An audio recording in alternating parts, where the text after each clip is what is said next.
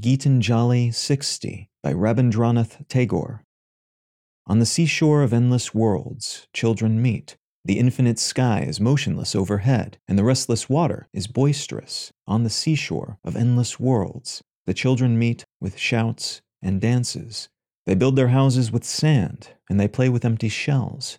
With withered leaves, they weave their boats and smilingly float them on the vast deep. Children have their play on the seashore of worlds. They know not how to swim, they know not how to cast nets. Pearl fishers dive for pearls, merchants sail in their ships, while children gather pebbles and scatter them again.